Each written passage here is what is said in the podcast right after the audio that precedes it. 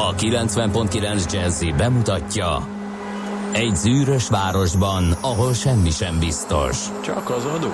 Mondom semmi. Ahol a kisbefektetőket senki sem védi meg a tőzsdei kilengésektől, és a sikátorokban leselkedik a kíméletlen hozamgyilkos. Csak négy férfi múlik a közbiztonsága. Hadnagy urak, merre vannak? A mindenre elszánt és korrumpálhatatlan alakulat vigyáz a rendre minden reggel. Ezek az állati nyomozók? Négy férfi egyeset és egy nyalóka. Ács Gábor, Gede Balázs, Kántor Endre és Mihálovics András. Az íróasztal mögül pedig Profit kapitány diktálja a tempót. Humor, emberi sorsok, közönséges bűnözők és pénz, pénz, pénz. Egy különleges ügyosztály. A Gazdasági Muppet Show minden hétköznap reggel a 90.9 Jazzin. De is figyelj, ne csak a bárányok hallgassanak. De miért? Ha nincs pénzed azért, ha megvan, akkor pedig azért. Millás reggeli. Szólunk és védünk. Jó reggelt kívánunk, 6 óra 46 perckor, itt a Millás reggeli hétfői adással jelentkezik, indul a hét tehát, itt a 90.9 Jazzin, és Kántor Endre nyitja ezt, kérem szépen. Meg Mihálovics András nyitja Köszi. ezt. Teljesen enerváltak nyitottam. vagyunk, ez egy igazán kemény hétvége volt mindenki számára. És a meleg, a füllett idő, a zivatarok, az áporok és a monszun nem ad további enyhülést, úgyhogy könyörtelenül fog minket sanyargatni ezen a héten is. De hát örüljünk neki, hiszen hétfő van, és már majdnem nyári szünet, úgyhogy vidáman lehet a munkába indulni, amennyiben tudunk. 0 30 20 10 909 Whatsappon és SMS-en itt vagyunk elérhetőek, vagy a Facebook oldalunk, ahol lehet velünk kontaktálni, és ott is lehet üzenni, meg a millástegeli.hu-n is. E-mailbe is, meg annyi elérhetőségünk van, hogy az elképesztő. Tele vagyunk elérhetőségekkel. Így van. És jönnek is mindenféle üzenetek, ha nem tudnád. Jó reggelt, Gödöllő felé a közlekedés a Veres Péter úton jó. Új hét, új remények a borzalmas hétvége után írja a szerelmes futár, aki ezúttal a sötétebbik arcát mutatja felénk. Aztán Füllert, jó reggelt, kartársak. Szokás szerint indul a hétfői őrület az utakon, Gödörről Pestre, majdnem minden szakaszon sűrű a forgalom. A kerülőutakon még viszonylag kellemes, kitartást mindenkinek a küzdőtéren írja D. Kartárs. Úgyhogy ezek jöttek egyelőre, 0 30 20 10 9 0 9, ahogy Endre már elmondta, ez az SMS és a WhatsApp számunk. Na hát nagyon-nagyon boldog névnapot kívánunk minden kedves Barnabás nevű hallgatónknak. Elsősorban ők ünnepelnek a mai napon, hát egy bibliai név természetesen Arámi és Héber eredetű. A jelentése az, hogy a vigasztalás fia, tehát legyen itt minden Barnabás és vigasztaljon minket, hogy hétfő van, meg hogy ilyen időjárás, minden esetre Barnabások ünnepelnek. És még kik? Azt mondja, Barnabásokon hogy a Barnák, a Mábelek, a Paulinok, a Roxánok, ugye? Igen, tulipánok. A tulipánokat ne felejtsük el. A tulipán Semmi. most, ez, most hogy, ez női vagy férfi?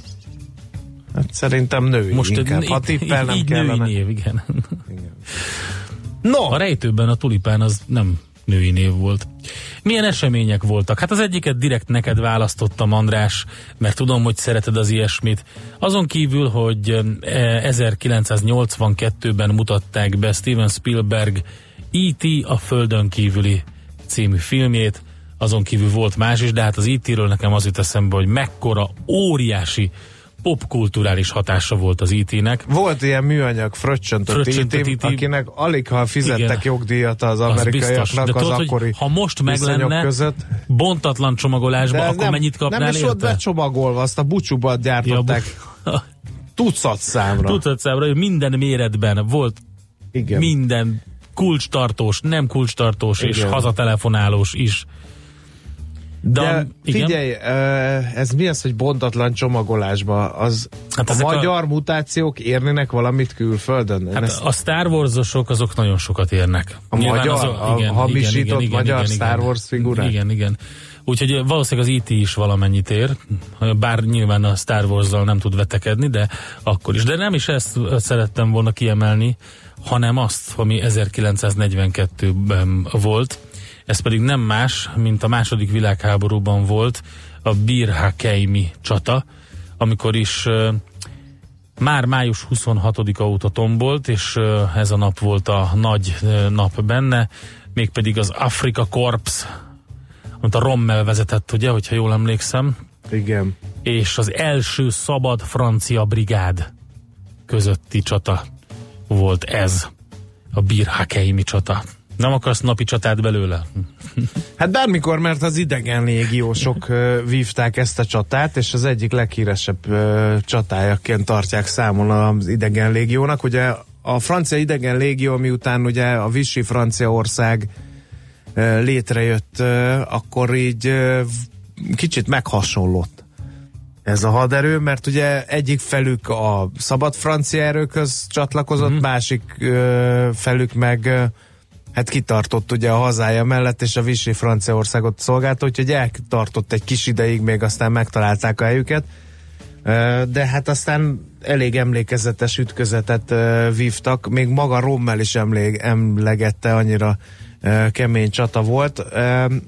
Hát mit lehetne mondani, egy ilyen igazi sündisznóállást rendeztek be körbe aknásították magukat a régiósok, és egy Dimitri Amlikavari nevezetű ember vezetése alatt beásták magukat, és várták, hogy mi lesz a sorsuk. Hát meg is jöttek az, először az olasz uh, Ariet uh, páncélos hadosztály, aztán amikor az aknamezőre futottak, és uh, elég hatékonyan elintézték őket uh, páncértörő lövegekkel, akkor úgy döntötte Rommel is, hogy, hogy uh, beavatkozik, és ebből robbant ki az észak-afrikai eh, háború egyik legkeményebb ütközete. Megszakítás nélkül lőtték és bombázták a beásott katonákat. Nem ez az ütközet van abban a belmondó filmben, amikor ott különböző nemzetiségűek találkoznak a, a sivatagban, és megpróbálják az aranyszállítmányt lekapcsolni. Mert szerintem ugyanúgy szóval belmondók egy, egy légió, légiós játszik benne. Igen, igen, igen. És ez pont ugye ott van Tobrukban, Líbiában, Tobruk mellett, ami gyakorlatilag majdnem a, a mm, egyiptomi határ melletti része már Líbiának, ott volt ez az ütközet nem messze. Igen. És szerintem nagyon rémlik nekem, hogy ebben Tehát a filmben itt, ez itt van. már ilyen kézitusa is volt a mhm. végén, mm. és írtózatos veszteségek voltak, meg felélték a tartalékaikat is a védők és így aztán június 11-én nagy nehezen kitörtek, és a brit vonalak mögé vissza is tudtak érni.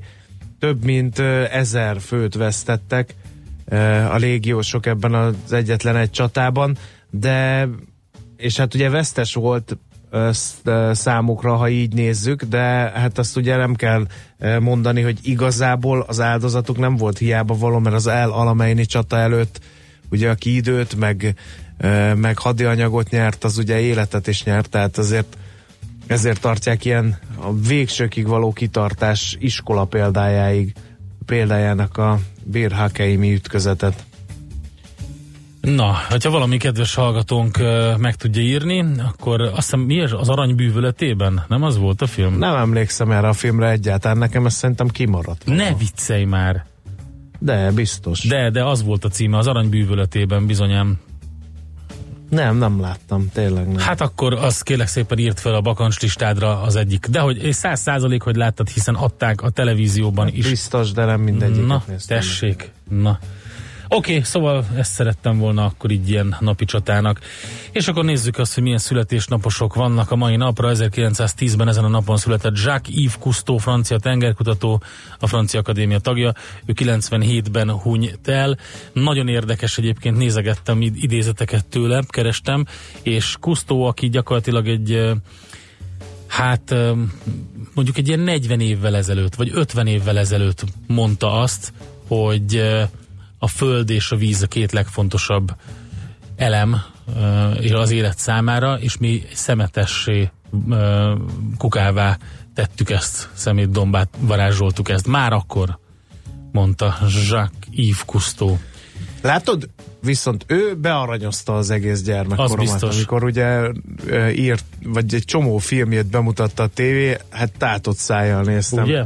És nyilván abban az időszakban mindenki könnyű búvár szeretett volna lenni, és Kusztó kapitány, mi is volt a hajójának a neve? Hát ezt arra én sem emlékszem Ah. hirtelen. De a lényeg az, hogy ö, olyan piros sapkám azóta kettő is volt.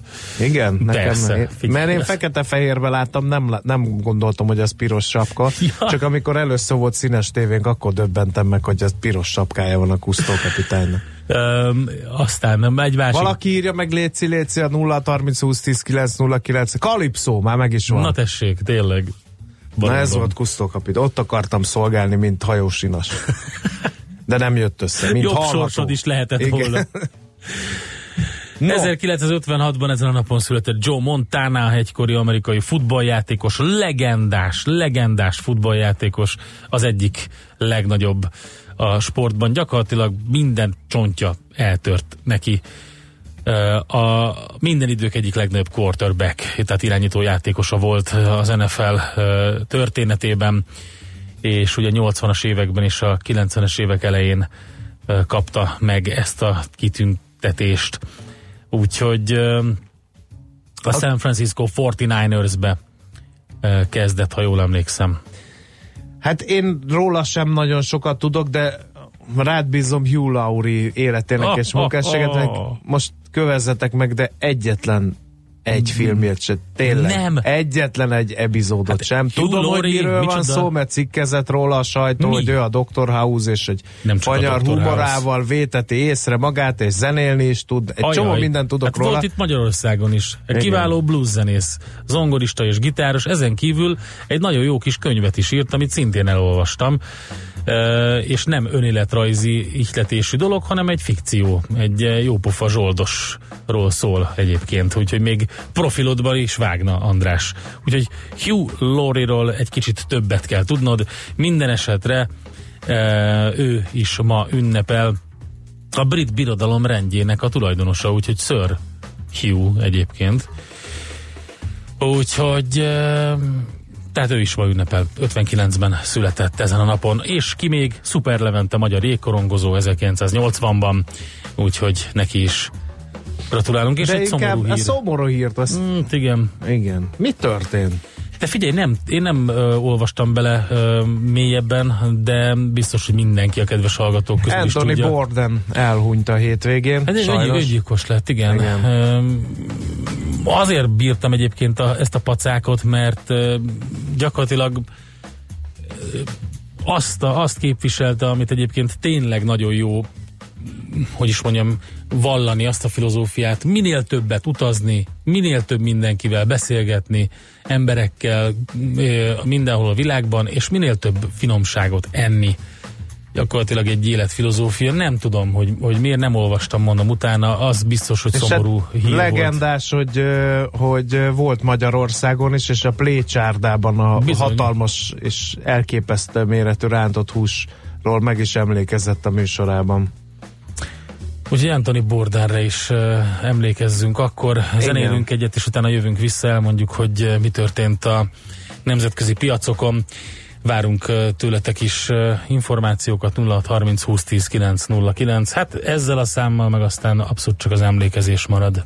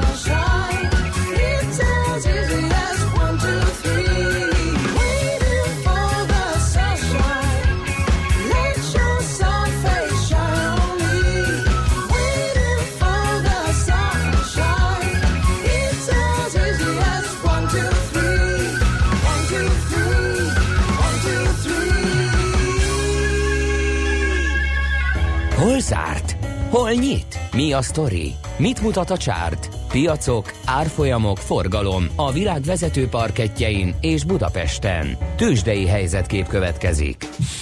Belmondó a profiba mondja az bemutatkozásul, hogy Joss bomonkénkedés és bunyó, majd behúz egyet a Volponinak a fagylaltosnak, azt hiszem. Na, körülbelül ez történt pénteken a bukszal. 1,8%-os volt a mínusz 36.738 ponton zárt a bux, mert hogy a MOTP, MOL, OTP, MOTP, milyen jó. Az meg, mekkora, szerintem ezt ilyen kreatív ötletként el lehet adni ezt a nyelvbotlást. Na, szóval a MOL OTP párosa eh, 2% fölötti mínuszban. Te miért vagy lefáradva? Szerinted Azt mondtad, Miért vagyok a lefáradva? zene előtt azt mondtad nekem, még el se kezdtük a műsort, hogy András, vidd a hátadon a műsort. Én nem csinálok más, csak az engedelmeskedem a felszólításra.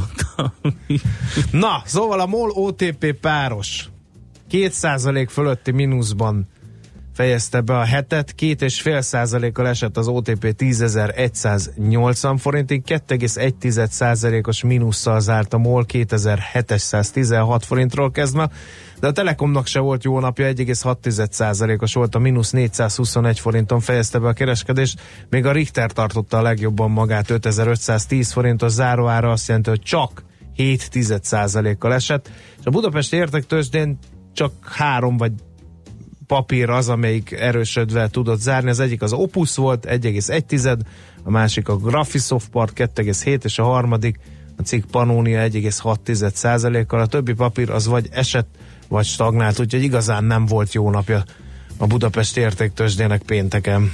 Hát egyébként ez jellemző volt Európában, nem volt jó hangulat. Londonban és Frankfurtban is ilyen ö, 0,3%-os mínuszok voltak, és az amerikai piacok pedig éppen, hogy pluszban tudtak zárni. A Nasdaq 0,1, a Dow és az S&P szintén 0,3%-os pluszban. Az Apple vesztett egy százalékot, 191,5 dolláron zárt. A Citigroup épp hogy emelkedett, a GE 1 százalék pozitívumban zárt, a Google 0,1%-os mínuszban, és a Microsoft is 0,7%-osban, de pluszban. Ami még érdekes volt, az az, hogy a Monster Beverage ez az energiaital 5%-ot tudott hozni, aztán ami még fontos volt, a Twitter 3,8%-os plusszal zárt, ami viszont a negatív oldalt illeti, a Broadcom és a Noble Energy is ilyen 2,5 százalék körüli mínuszban zártak. Jelen pillanatban egyébként jó a hangulat. Ázsiában eh, pluszok vannak, ilyen fél százalék fölötti egy picivel Japánban és 0,3 százalékos Hongkongban, és alapvetően eh, zöldben van a kapzsiság mutató, tehát inkább a kapzsiság hajtja a piacokat, és eh, hát gyakor- a Nasdaq már 10% fölött idén 2018-ban, a Dow Jones 2,5, az S&P 4%-os pluszban összesítve idei teljesítményüket eddig. Tősdei helyzetkép hangzott el a Millás reggeliben. Schmidt Andi elmondja a híreket De még mindjárt. előtte egy breaking van, mert az M7-esen a nagy kanyarban az M1 M7 közös bevezetője előtt volt egy karambol, már papíroznak a leállósávban a felek, de a katasztrófa turizmus miatt áll a forgalom. Írja Morgó, illetve az egyik uh, már hallgató, aki egyelőre névtelenségbe burkolózik, emlékezteti Endrét, hogy a Fekete Viperába is szerepelt a Hugh Laurie. Jó, köszönöm szépen, ez jó is volt a Fekete Vipera. Na, megyünk tovább, jön uh, Andi a legfrissebb hírekkel, aztán utána jövünk vissza mi. Műsorunkban termék megjelenítést hallhattak. Hírek a 90.9 Jazzin. Budapesten razziázik az adóhatóság. Megkezdődött a Tisza virágzás. Marad ma is a meleg, füllett idő zivatarokkal. Jelenleg Budapesten 20-21 fokot mérünk. Jó reggelt kívánok, 6 perccel múlt 7 óra, a mikrofonnál Schmidt Andi. Hatalmas razziába kezd az adóhatóság. Mától azokat a fővárosi vállalkozásokat ellenőrzi, ahol az online pénztárgépek adatai alapján visszaélésekre gyanakszanak. Vendéglátó egységeket, ajándékboltokat, piacokat és vásárcsarnokokat keresnek fel, valamint ellenőrzik a taxisokat is. Elsősorban azt vizsgálják, hogy adnak-e számlát, szabályosan használják-e a pénztárgépet, és bejelentették-e az alkalmazottaikat. Nemzetközi egyezményekről tárgyal ezen a héten az országgyűlés. Ma a Finnországgal, Svédországgal és Litvániával kötött adatok védelméről és cseréjéről szóló megállapodásokat vitatják meg a képviselők. A holnapi ülésen pedig egyebek mellett a Magyarország és Kína közötti diplomáciai ingatlanok megvásárlásáról szóló egyezményről, a Kazaksztánnal kötött kölcsönös vízummentességre vonatkozó szerződésről, valamint több légügyi szerződésről is vitáznak a képviselők. Jól van, eszik és barátkozik az a barna medve, amelyik május vége óta végigjárta az országot észak-déli irányban. Az állatot péntek este altató lövedékkel kábították el, jelenleg a Szegedi Vadasparkban van, ahol folyamatosan figyelik a szakemberek, további sorsáról pedig hamarosan döntenek. A Vadaspark igazgatója szerint a nősténymedve egyébként rendkívül szelíd, ezért az is elképzelhető, hogy valaki otthon tartotta az állatot és szabadon engedte. Ismét riasztották a gripeneket. Egy kis repülő éjszaka Beregsuránynál lépett be a légtérbe, de a pilóta nem vette fel a kapcsolatot a légi irányítással. Miután a vadászgép megjelent mellette, Bereg Darócnál visszatért ukrán területre, közölte a Honvédelmi Minisztérium. Speciális magyar orvoscsoport indul ma Afrikába. A fülorgégészekből álló társaság Malaviba utazik, ahol két héten át látnak el betegeket. A Magyarország nagyságú elmaradott országban nincs igazán kórház, orvos is alig. Míg itthon 400-450 fülorgégész szakorvos van, Malaviban mindössze egy. A missziót a Magyar Afrika Társaság szervezi. Rendőrök vigyázzák a kérészek táncát a Tiszán és mellékfolyóin. Polgárőrökkel, természetvédelmi és halászati őrökkel közösen folyamatosan ellenőrzik a területet. A védett rovar elpusztítása szabálysértés, amelyért akár 150 ezer forint bírságot is, is kiszabhatnak. A szakemberek felhívták a figyelmet arra, hogy engedély szükséges a rovar gyűjtéséhez is. Megérkezett Szingapurba Kim Jong-un, aki holnap találkozik majd Donald Trump amerikai elnökkel. Az ázsiai városállamba szervezett találkozójuk történelmi jelentőségű, hiszen először ül tárgyalóasztalhoz hivatalban lévő amerikai elnök és az észak-koreai diktatúra vezetője. A megbeszélés központi témája a koreai félsziget atommentesítése lesz. És végül az időjárásról marad a füllet, meleg idő ma is, napközben főként keleten várható zápor zivatar, jelenleg egyébként az ország északi részén elsőfokú riasztás van érvényben. A délnyugati szél helyenként megélénkül, néhol viharossá fokozódik. A hőmérséklet napközben 27 és 33, késő este pedig 22 és 27 Celsius fok között alakul. A hírszerkesztőt Schmidt-Andit hallották friss hírek legközelebb fél óra múlva. Budapest legfrissebb közlekedési hírei a 90.9 Jazzin a City Taxi Dispécsejétől. Jó reggelt kívánok a kedves hallgatóknak! Kollégáim tájékoztatása szerint a városban említése méltó esemény még nem történt. A városban a forgalom bár folyamatosan növekszik, még jól lehet közlekedni. A bevezető utaknál az M7-est említették, ami már torlódik. Egyelőre balesetet, trafipaxot nem láttak a kollégáim. Köszönöm a figyelmüket, további balesetmentési utat kívánok! A hírek után már is folytatódik a millás reggeli. Itt a 90.9 jazz Következő műsorunkban termék megjelenítést hallhatnak. Mm-hmm.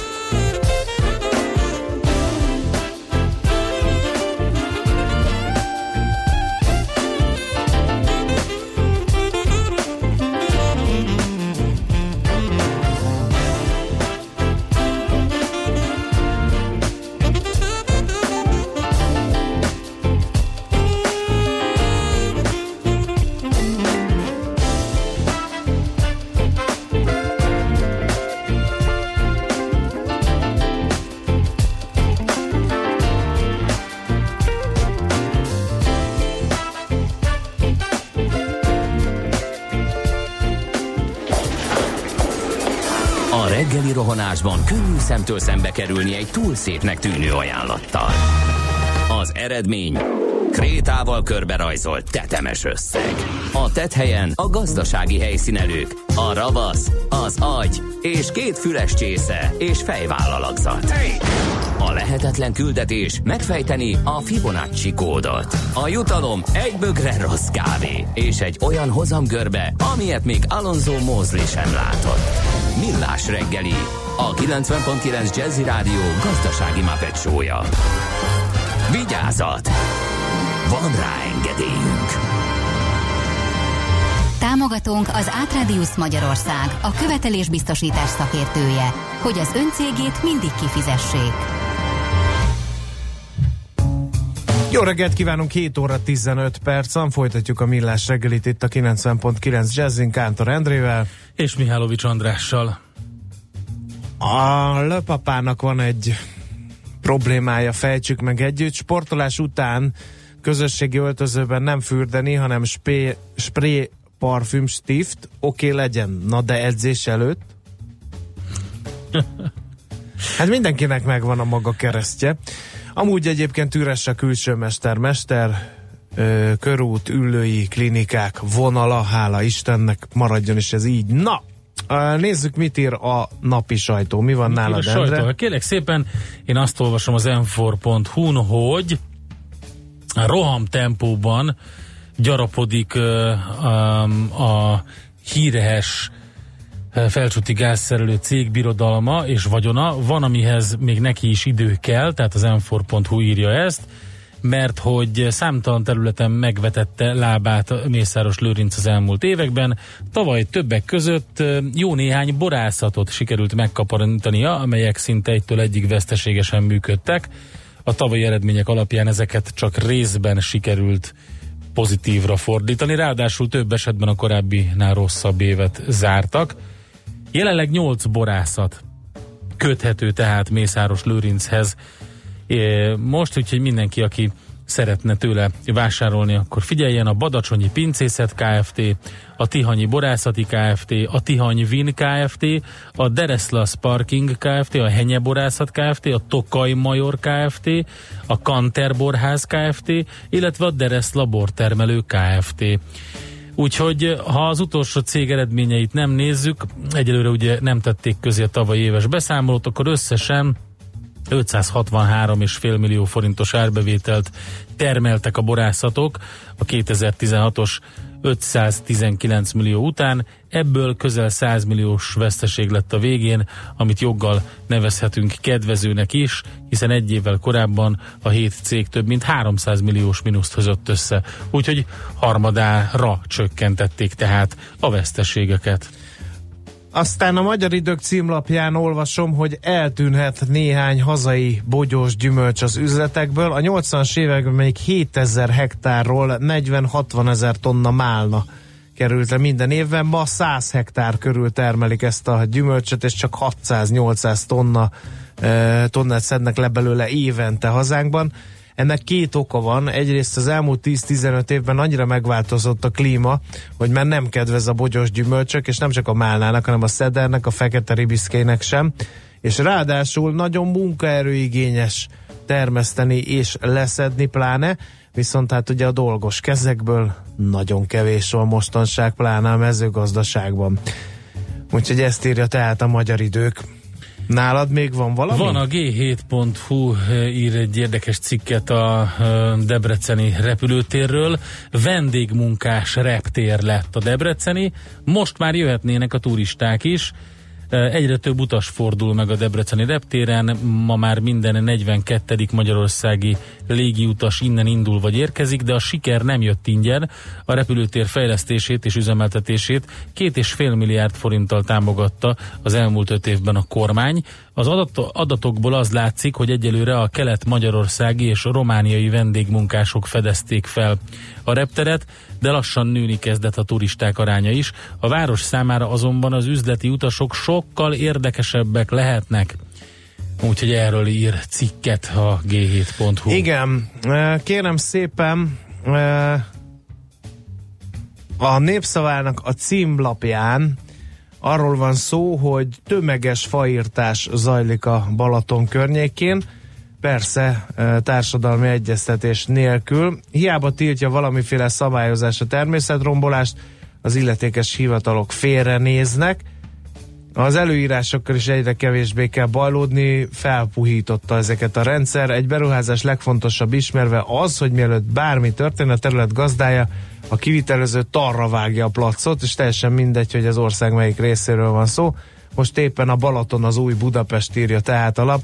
Eddig a fővárosban pusztították a fákat, most már a Balatonon is. Persze az ott lakókat nem kérdezi meg senki, miközben kiserdőket falnak fel szó szerint. Borzalom. Például a 8. kerület 2015 óta zárva tartó üdülében kivágtak egy tölgyerdőt egy kézilabda csarnok építése miatt. Balatonfüreden pedig egy kikötő épül egy olyan kempingnél, amit uh, Mészáros Lőrinc vállalkozása üzemeltet. A törvény szerint a kivágott fákat pótolni kell, erről azonban egyelőre nem nagyon lehet tudni semmit sem. Viszont, és akkor a világgazdaságot is ide emelném, mit szól Szendre ahhoz, hogy felmerült a lakás, éttermek és étel megosztók szabályozásának kérdése Európában, miután a lakás megosztás példáján okulva mielőbbi lépéseket sürget a szakma. Uh-huh. Érdekes. Magyarországon nincsenek pontos adatok arról, hogy mennyi lakásétterem és ételmegosztó szolgáltatás működik, de definiálták legalább már a Nébiknél a lakásétterem fogalmát, és ráadásul a kerületi hivatalnál engedély kell ahhoz, hogy valaki lakáséttermet működtessen.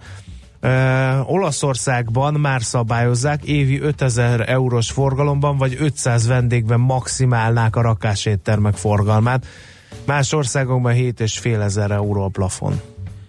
Kell ezt szabályozni? Hát nyilván kell szabályozni, majd meglátjuk, hogy mire Várjál, mennek vele. még egy breaking, még mindig kapni silány minőségű krémest, nem is értem. A hagyományőrző cukrászati termékeket megint csak a világgazdaságban olvasom azt, hogy három éve szabályozza az élelmiszerkönyv, így az olyan termékeket, mint a Rigó Jancsi, a krémes, vagy a francia krémes, csak akkor árusíthatják e néven a cukrászatok, az előírásban meghatározott minimális anyaghányadot és technológiai követelményeket betartják, ám ennek ellenére a silány minőségi sütemények sok helyen nem tűntek el a polcokról. Hát ezt Ez a piac, őrület. piac kéne, hogy kiegyenlítse szerintem. Na, ö, hamarosan azzal jövünk, hogy sokkoló számok érkeztek a magyar munkaerő hiányról, még egyszer mondom munkaerő hiányról, már 80 ezer dolgozó hiányzik a magyar munkaerőpiacról a friss adatok szerint a KSH első negyedéves számai alapján egyre súlyosabb a helyzet. Ezt fogjuk megfejteni ezzel a témával Napi jövünk. sajtó, népszavazás volt Svájcban. Mi az, hogy egy svájci kereskedelmi banknak pénzteremtési joga van, írja Paja. Paja, hidd el, mindenhez mi sem. Tehát még tapogatózunk ebben az ügyben, hogy mi történt Svájcban, és főleg az, hogy ha a Svájcban történteknek lesz-e a svájciakon kívül bármire hatása, mert ha nem lesz, akkor mi nem foglalkoznánk ezzel a svájci dologgal. Igen, tudom, hogy a sajtó felpumpálta ezt, és az egész, hát hogy népszavazás volt arról, hogy ne csak a, ne- a jegybank ö, teremtessen pénzt, valami ilyesmi dereng, de nem, tudom, Nem, hogy jól hát dereng. egészen pontosan az volt, ugye, hogy a kereskedelmi bankoknak a működési séről ö, szavaztak. Lényegében az történt, ugye, hogy a voksolók 75%-a nem akar változtatni azon a gyakorlaton, hogy a kereskedelmi bankok kibocsáthassanak több pénzt, mint ami forgalomban van. Ez a gyakorlat jelen pillanatban. Ugye, akik ezt benyújtották, az intézkedés támogatói azt mondják, hogy az új szabályozás az véget vethetett volna a bankok igazságtalan nyerészkedésének és a túlhitelezésnek, a, ennek a megszűnése csökkenteni a válság kialakulásának kockázatát, nullára ugye mondjuk a bankpánik kialakulásának esélyét például, és hogy akkor nem az adófizetők pénzéből kéne megmenteni a bankokat, hogy a becsődölnek, ezért nyújtották be ezt. Az a 75 százalék, aki leszavazta, azt mondja, hogy a válságot követően már egyébként is szigorítottak a szabályozáson, és az új szabályok mellett is kialakulhatnának bankpánikok, mivel soha sehol nem volt még ilyen pénzügyi rendszere egy országnak. Kiszámíthatatlan, hogy a gazdasági szereplők hogyan reagálnának a reformra. Úgyhogy nagyjából ennyi. Azt, a- azt mondták tehát a 75%-a, a, akik szavaztak Svájcban, hogy maradjon minden úgy, ahogy most van, továbbra is bocsáthassanak több pénzt ki a bankok, mint amennyi a forgalomban van. Tehát lehet e, folytatni. Barna haja, szeme kék, cipője kopott, nekem elég. Ő az igazi, csak az enyém. Velem utazik, épp ahova én. Barna a haja, a szeme kék, cipője kopott, nekem elég. Ő az igazi, csak az enyém. Velem utazik,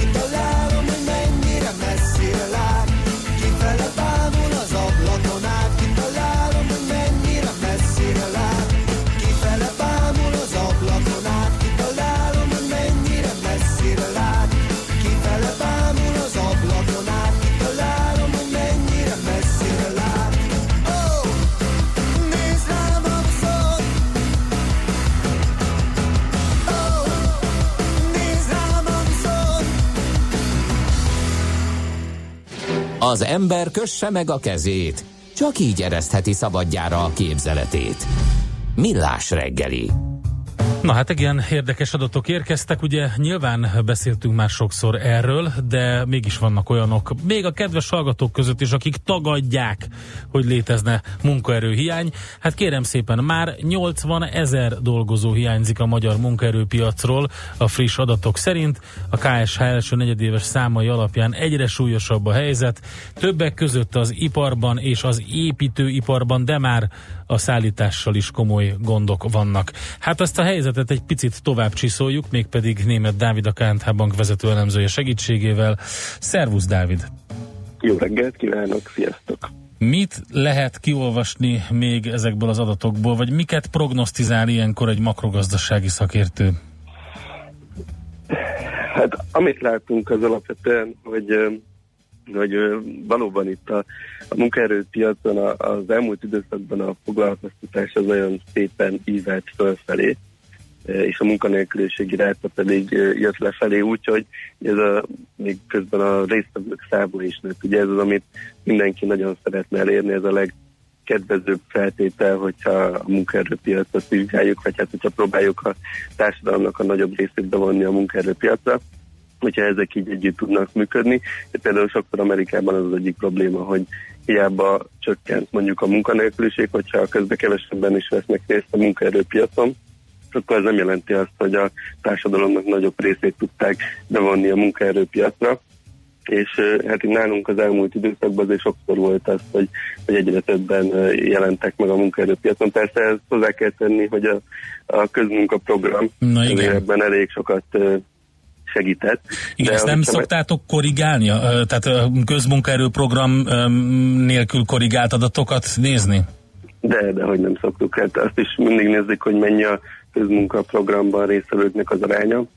és abban is azért volt most már az elmúlt mondjuk olyan 8-10 hónapban egy pozitív fordulat, hiszen elkezdett csökkenni a közmunkaprogramban résztvevőknek a számát. Volt ez a csúcson 200 ezer fölött is, most már sokkal inkább ilyen 120-130 ezer környékén mocorog a, a közmunkaprogramban lévőknek a, a száma, úgyhogy ez mindenképpen azért egy, ö, egy kedvező ö, fordulat, de hát hogyha hozzáteszünk azt a 130 ezer embernyi közmunkaprogramot, ahhoz képest, hogy körülbelül még munkanélküliből van egy ilyen ö, 80-90 ezer fő, sőt, tehát inkább 100 ezer fő környékén van még a 170 ezer volt bocsánat, legutóbbi adat a munkanélküliből, hogyha akkor az majdnem, hogy megduplázódik uh-huh. ezzel együtt, és akkor mindjárt nem 3,8-nek 3,5 százalék lenne a munkanélküli, hanem felugrana ilyen 7 százalék magasságába. Úgyhogy per- természetesen ez számít. Csak az a probléma, hogy hogy a, a közmunkaprogramból nem tud mindenki átmenni a magánszférába egyelőre dolgozni, mert nagyon sokaknak nincs meg hozzá a képesítése.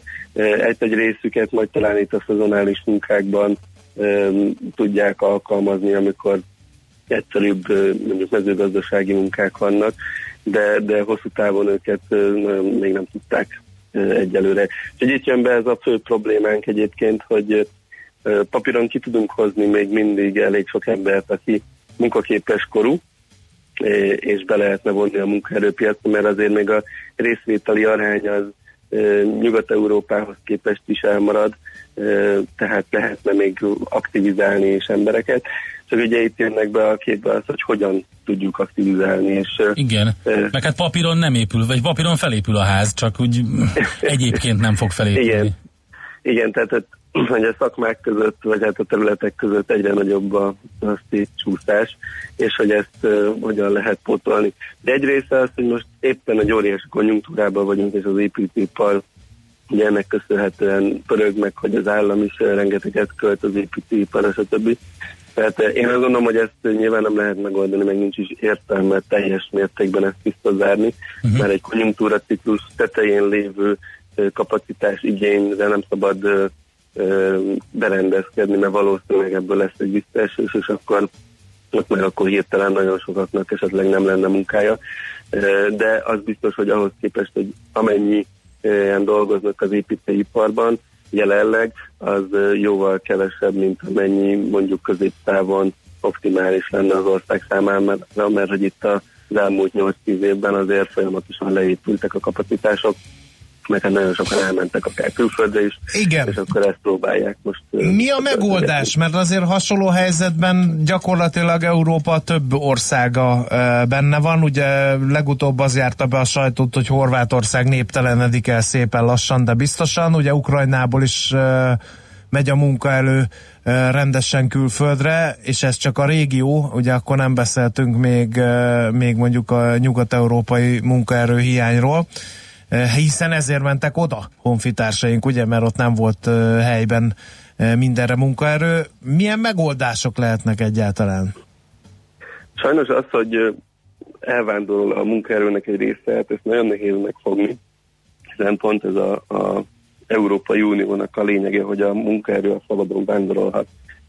Úgyhogy hát ami, amit látunk a számokból, ugye az, az, hogy azért Nyugat-Európában a népesség az nem csökken, mert hogy nagyon sok a, a bevándorló innen a kelet-közép-európai régióból, tehát ez nekünk egy sokkal nagyobb probléma azért, mint a nyugat-európai társadalmaknak. Amit hát lehet csinálni, vagy próbálni, hát egyrészt mi is hozhatunk be máshonnan munkaerőt, vagy próbálhatunk bevonzani munkaerőt, hogyha találunk olyan országot, vagy olyan területet, ahonnan mi szintesen fogadunk be munkaerőt. Ugye a másik lehetőség, hát ez egy hosszabb távú, hogy meg kéne próbálni a népességet növelni, és akkor majd idővel ez, ez tud segíteni abban, hogy, hogy legyen megfelelő mennyiségű munkaerő, illetve hát egy része az abból adódik, hogy strukturálisan nem megfelelő a, a munkaerő kínálatunk, abban is lehet azért középtávon segíteni, hogy megpróbálunk olyan munkaerőt képezni, amire szükség van, és ezeket a torzulásokat egy kicsit enyhíteni. Ugye itt erre lehet felhasználni azt, hogy különböző képzési programokkal abba az irányba terelni az embereket, amire szükség van. Ugye lehet olyanokat, amit mondjuk ez most nem feltétlenül az építőiparra vonatkozik, de vannak olyan területek, ahol például a otthonról való dolgozást próbálni erősíteni, illetve a részmunkaidőt, mert így a társadalomnak bizonyos részét még be lehetne vonni a munkaerőpiacra, hiszen uh-huh. ebben, ebben nagyon el vagyunk maradva például Nyugat-Európától, hogy mennyi a részmunkaidőben dolgozóknak az aránya, illetve mennyien dolgoznak otthonról. Úgyhogy ezekkel lehet igazándiból enyhíteni, hogy a képzéssel, meg ezekkel a, ezekkel a rugalmasabbá tévő különböző szabályozásokkal lehetne próbálni. Dávid, mi van akkor, hogyha nem sikerül, és marad ez a szituáció? Tehát akkor mi az egyenes következménye ennek? Hát amit látunk az az, hogy ugye a munkabérek egyrészt mennek föl azokon a, azokon a területeken, ahol munkaerő hiány van, illetve különösen, hogyha ö, megnézzük, ahol multinacionális cégek egyébként dominálnak, ott a nagy multivállalatok, azok el tudják szívni a, a munkaerőt a kis középvállalkozásoktól, hiszen ők hatékonyabban tudnak termelni, és ezért ki tudják termelni a magasabb ö, munkabért is.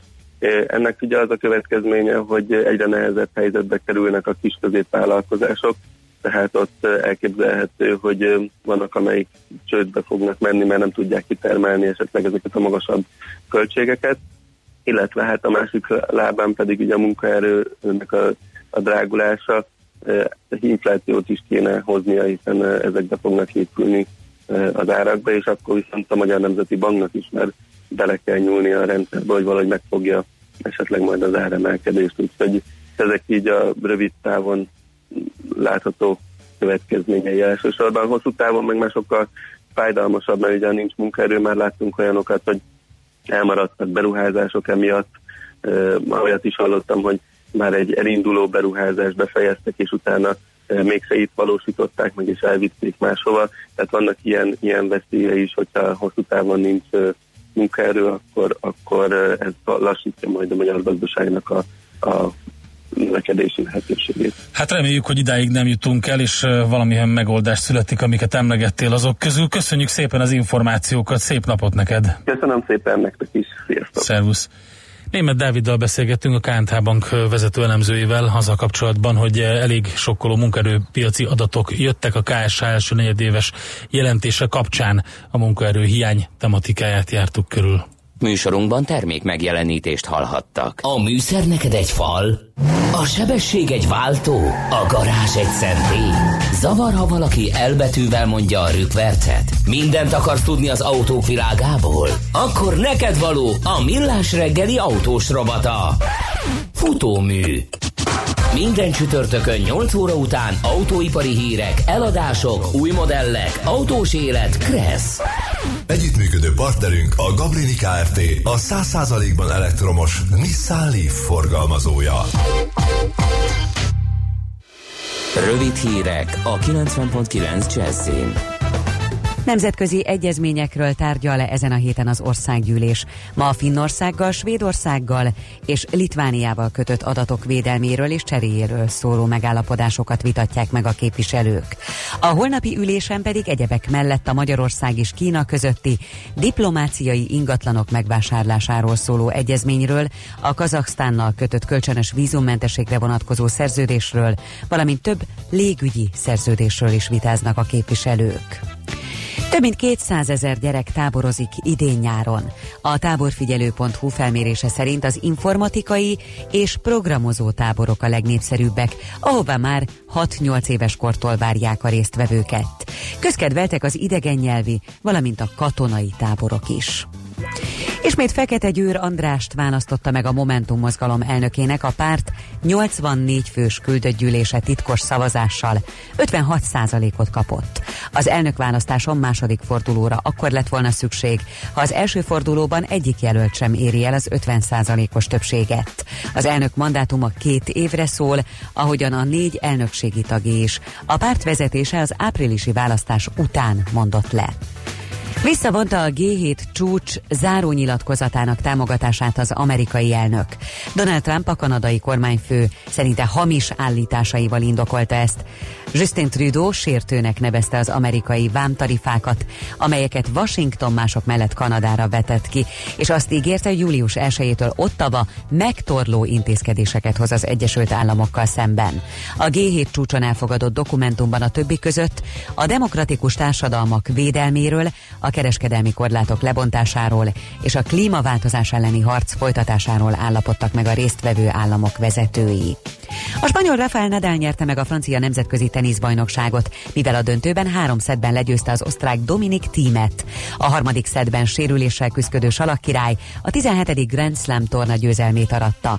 A világ első, aki az egész tornán egy szettet vesztett, saját rekordját továbbjavítva 11. alkalommal emelhette a magasban muskétások kupáját, és a 79. tornáján diadalmaskodott.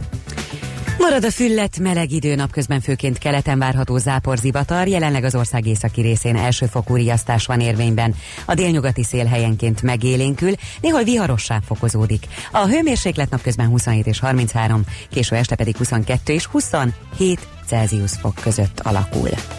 A hírszerkesztőt Schmidt-Tandit hallották friss hírek legközelebb fél óra múlva.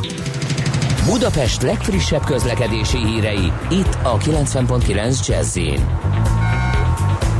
Budapesten lassú a haladás a Hűvös völgyi úton a Szilágyi Erzsébet fasor előtt befelé, a Könyves Kálmán körúton a Vajda Péter utcától az Árpád híd irányában, a Kerepesi úton és a Fogarasi úton befelé a közös csomópontnál. Lezárták a félútpályát a 18. kerületben a Dózsa György utcában a Szélső utca közelében burkolatjavítás miatt. A Mészáros utcában a benzinkútnál napközben munkagép foglalja el az egyik sávot építkezés miatt. Pongrász Dániel, BKK Info. A hírek után már is folytatódik a millás reggeli, itt a 90.9 jazz Következő műsorunkban termék megjelenítést hallhatnak.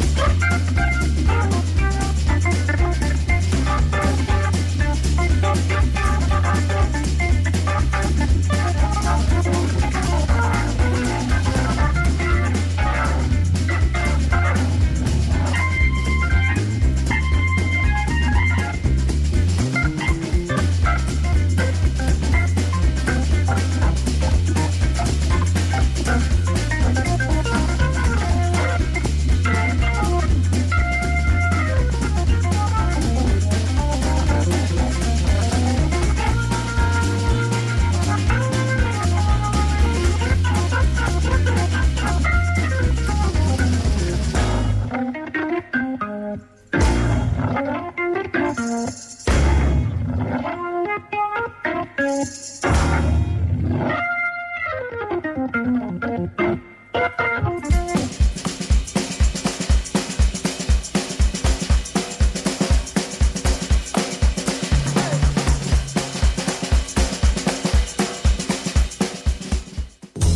várható a héten? Milyen adatok, információk, döntések hathatnak a forint értékére, a tőzsdei hangulatra? Heti kitekintő. A millás reggeli szakértői előrejelzése a héten várható fontos eseményekről a piacok tükrében. A vonalban pedig itt van velünk Kovács Mihály, az OTP elemzési központ szenyor elemzője. Szervusz, jó reggelt kívánunk! Jó reggelt, sziasztok! Na, egészen érdekes hét van, mert kamat döntő ülésekre kerül sor ezen a héten, mind a Fed, mind az Európai Központi Bank részéről, illetve hát ugye van politika is bőven, amivel hathat a piacokra bárki, aki a nagy döntéshozók közül mond valamit. Így van, így van, izgalmas hetünk lesz. Ugye mind a három jegybank, nagy jegybanknak a döntő ülése lesz. A Fed lesz szerdán, ugye ottani idő szerint este 8-kor, hát arról éjjel tudunk meg valamit. Itt a várakozás az, hogy 90% az esély a, az újabb kamatemelésnek, tehát 1,75-ről 2%-ra emelkedhet a kamatszint. És ami még érdekes igazából, hogy ugye korábban a Fed kommunikált egy olyan dolgot, hogy hát mi az a hosszú távú kamatszint, amit, amit egyensúlynak gondol, az 2,9, tehát lehet, hogy ez irányba is mond valamit, ugye, mert hát végül is közeledik ez a szint, illetve az is érdekes lesz, hogy milyen kommenteket mond a, a kereskedelmi feszültségekről, illetve háborús dolgokról, illetve esetlegesen a fiskális lazítás középtávú hatásairól. Csütörtökön lesz az LKB kamat döntés, ugye az LKB egy kicsit máshol tart, itt a kamat még gyakorlatilag 0 százalék körül van, illetve még az eszközvásárlási program 30 milliárd eurós mértékben is aktívan fut. Igazából itt azt várja mindenki, hogy ö, talán mondanak valamit arról, hogy ezt mikor ö, zárhatják le. Korábban azt jelentették, hogy szeptember végéig biztosan folytatják. Korábban nagyon erősek voltak az eurozóna makrogazdasági adatok, de a Q1-es GDP már egy picit gyengébb lett, utána jött ez az, az olasz politikai feszültség, ami most egy picit oldódik, de hát azért itt még távolról sincs vége a történetnek, tehát nagyon érdekes lesz, hogy hogy mit, mit nyilatkoznak. Illetve hát És befolyásolja, bocs, befolyásolja azt, hogy ugye ők megvárják az amerikai döntést, hiszen az, Igen, igen, igen, igen. Ott uh, lehet az, hogy az, az komolyan befolyásolja a döntéshozatalt az LKB-nél? Hát én, én nem gondolom azért azt, hogy a, egy, egy eurozóna méretű országnál ö, gyakorlatilag a Fedre ö, reagálnának. Tehát itt, oké. itt, itt két hasonló méretű gazdaságról van szó. Ez kisebb gazdaságok esetében ö, képzelhető el szerintem ö, határozottan. És a pénteken lesz még a Bank of Japannek kamat döntése, ugye itt, itt ultralazák a kondíciók, itt folyamatosan ö, ö, hát ilyen nagyon alacsony inflációs, illetve a deflációs kockázat is előkerül időről időre. És hát jövő héten még, még vagy ez a bocsánat, ezen a héten még holnap ugye lesz ez a Trump-Kim Jong-un csúcs, hogy Mhm. ezzel kapcsolatban mi lesz, ez is mozgathatja a piacokat illetve magyar makrogazdasági adatok vonatkozásában kisebb hírek lehetnek, ipari termelés, részletes adat építőipari, és ne felejtsem el, hogy ö, várhatóan szerdán terjesztik az országgyűlés elé a, a 2019-es ö, költségvetést, tehát itt megtudunk a részletek, meg tudjuk a részleteket, előzetesen már szivárogtak bizonyos információk, nagy meglepetésekre nem számítunk, tehát nagy változásokra, de hát majd meglátjuk, hogy pontosan mit fog tartalmazni. Na, hát akkor eléggé izgalmas hetünk lesz, és akkor várjuk ezeket az adatokat. Köszönjük szépen neked az összefoglalót, jó munkát, és akkor jó hetet, szép hetet. Köszönöm szépen, Szervusz. sziasztok! Kovács Mihályjal beszélgettünk az OTP elemzési központ senior elemzőjével, ahogy elmondta, elég sok mindenre számítunk ezen a héten. Fed döntés, LKB döntés, Bank of Japan döntés, rengeteg makroadat, meg hát politikai csúcs találkozók is. Heti kitekintő rovatunk hangzott el. Mire érdemes odafigyelni a héten? Mi elmondjuk. Néhány hallgatói üzenettel folytatjuk. Az M5-ös beállt a Pesszent Lőrinci kihajtótól, írja a hallgató, de nem tudjuk egyelőre e, az okát, illetve Horvátország e, Marina Kornáti kikötőből a hajók kisebb nehézségek árán állnak csak ki, de kint a vizen már nincs gond. Szép napot nektek, írja a főhadnagy, akit ezen a héten sörhajó hadnagynak kell szólítani, nehogy eltévezd, Endre. Én nem fogom Jó. elfelejteni. Aztán, ha a hirdető cégek és a közvetítők még mindig nem jeleznek vissza a jelentkezőknek, akkor annyira nem lehet nagy a munkaerő hiány, sejti egy hallgató. E, illetve amíg gyermekes anyukát F-ből nem vesznek fel, megint csak arra utal, hogy mégsem olyan nagyon nagy a hiány a munkaerőből. A, ezek jöttek idáig, jöhet még belőlük 0 30 20 10 9 0 9 az SMS és a WhatsApp számunk.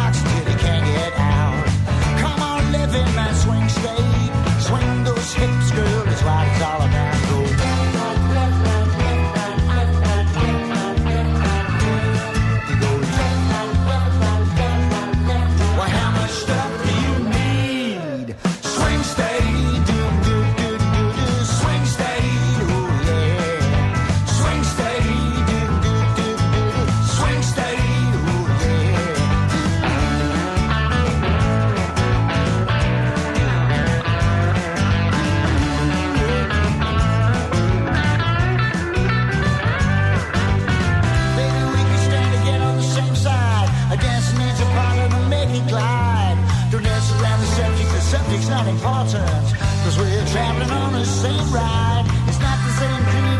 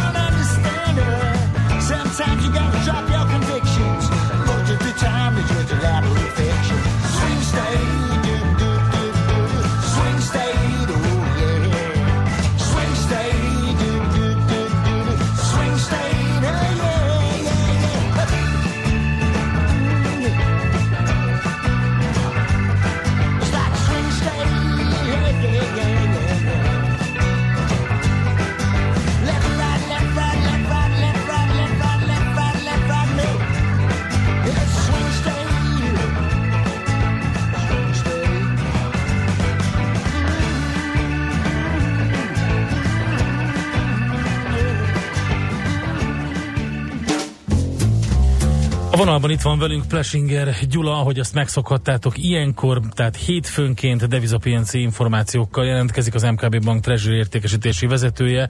Szervusz, jó reggelt kívánunk! Jó reggelt, sziasztok! Na hát sok izgalom van természetesen. Kezdjük akkor a forinttal, itthonról haladjunk.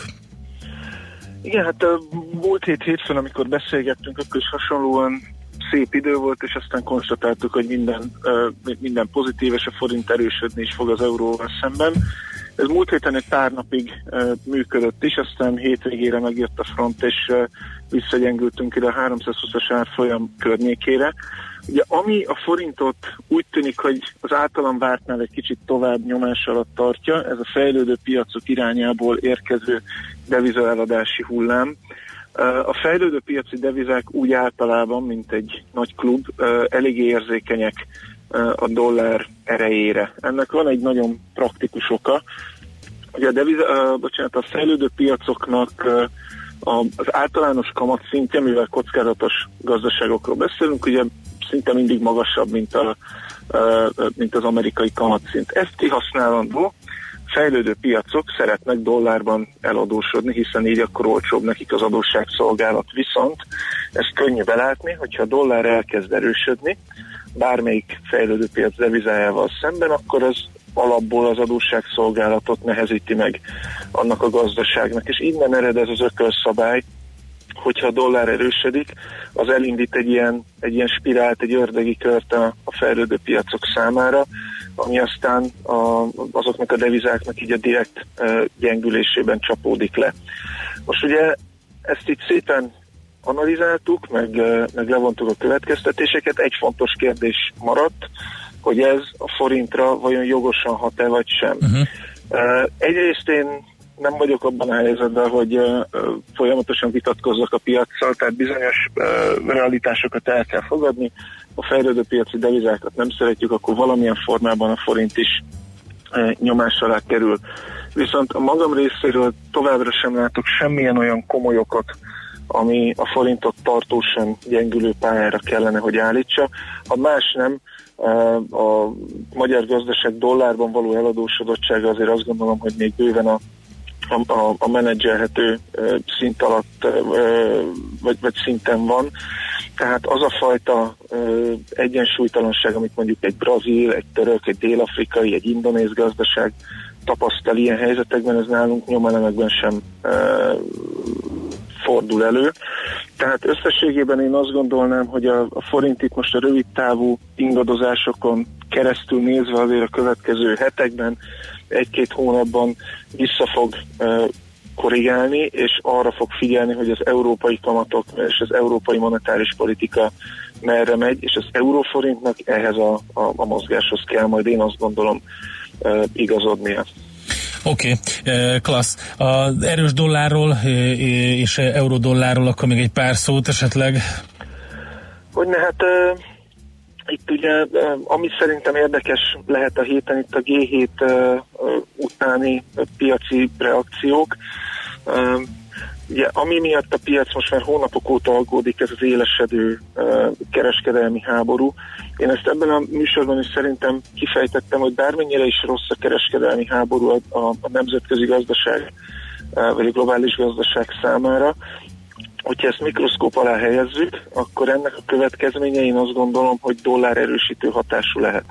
Hogyha mélyül a kereskedelmi háború, ez azt jelenti, hogy Amerika képes a saját hát fogalmazunk így rövid távú érdekeit érvényesíteni. Ez ugye azt jelenti, hogy a, a külkereskedelmi hiánya a világ többi rend, részével szemben csökkenni fog. Ez viszont azt gondolom, hogy dollár erőt jelenthet. Tehát uh, egy paradox módon a, uh, én, én azt gondolom, hogy a mélyülő kereskedelmi háborús krízis az a dollárt stabilizálhatja illetve erősítheti, ami aztán még további lendületet is kaphat a, a, a héten esedékes, ugye már volt erről szó az előző blogban a héten esedékes fedülés kapcsán is. Igen, igen.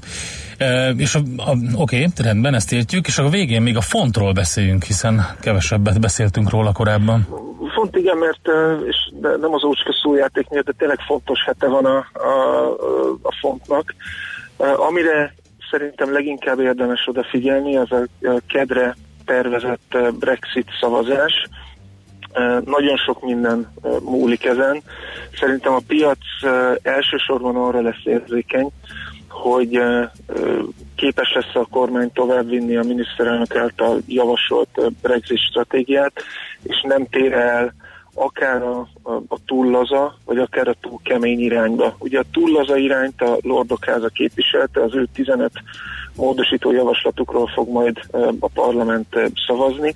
Hogyha ezek teret nyernek, ezek igazándiból magát a Brexit létjogosultságát kérdőjelezhetik meg. Ennek én azt gondolom, hogy rövid távú politikai krízis lehet Angliában a, a következménye. A másik kockázat pedig, hogy túl keményre sikeredik a Brexit. Van egy platform azért a kormányon belül, ami a, ha szabad így egy kicsit anekdotázni, az úgynevezett Hotel California szenáriótól fél. Az együttesnek a legendás számának az utolsó két sora egy ilyen nagyon hevenyészet fordításban úgy hangzik, hogy ki lehet csekkolni bármikor a szállodából, de elhagyni azt sosem lehet. Igen. És egy kicsit ett- ettől félnek a, a, a keményvonalas ö, ö, Brexit támogatók. Tehát valahol egy ilyen arany középutat kellene az angol politikának prezentálni, és akkor összességében nyugodt maradhat a piac. Én a magam részéről változatlanul fontalú teljesítésben gondolkodom, tehát azzal együtt, hogy nem hiszem, hogy katasztrófa meg tragédia lenne a, Brexit az Egyesült Királyságnak. Rövid és középtávon jó hírnek semmiképpen nem mondható, tehát én font, font szempontból egy kicsit óvatosabb táborba tartozom. Oké, okay, nagyon szépen köszönjük, izgalmas lesz. Figyeljük Köszönjük ezeket. szépen. Szép napot neked, jó munkát! Viszont, sziasztok! Plesinger Gyulával beszéltünk, az MKB Bank Treasury értékesítési vezetőjével. Kedves Endre, András, mit ha írnak? a szeniort szenyornak mondjátok, a junior legyen junior. Javasolja egy hallgató. Jó, én ezt elfogadom, ezt a javaslatot. Teljesen jó, teljesen jó javaslat, úgyhogy junior. Um, és hogyha például van egy Hunor nevű ember, és ő neki lesz fia, aki szintén Hunor, akkor ő lesz a hu- hu- hun- Hunor junior? Igen. Oké, okay, rendben. Megyünk tovább, mert hogy jön Schmidt Andi a legfrissebb hírekkel, információkkal, utána pedig adóvilág rovatunkban, ugye az ázsiai térségben, az olyan országokban kalandozunk, Malajzia jön soron. Szándokán. Úgyhogy, de csak ezt mondod? Ennyi. A maláj tigris rendben van.